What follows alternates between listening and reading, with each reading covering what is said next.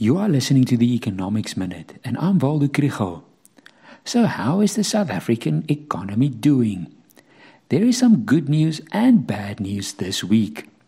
Producer price inflation in January moderated to 10.1%. Month on month, the PPI increased by 0.2%, which is the slowest rate of increase in a year. Whether lower inflation rates can be sustained depends on a number of factors. On the one hand, NERSA only allowed a 9.61% tariff increase for Eskom after the utility requested a 20.5% increase.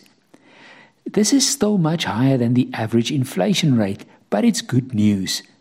We have to keep in mind, though, that there is an appeals process that can change this decision and municipalities also add their bit to a tariff increase. On the other hand, oil prices are high and the price of petrol and diesel will breach the 21 rands per litre mark in Gauteng on Wednesday. This is caused by oil prices and the exchange rate. The crude oil price increased from $93 a barrel to $96 a barrel in the period under review.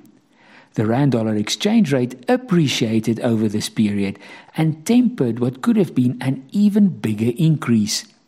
Since then, the oil price is just above or below $100 a barrel, and sanctions against the Russian central bank caused the rand to weaken yesterday as the dollar strengthened against all currencies.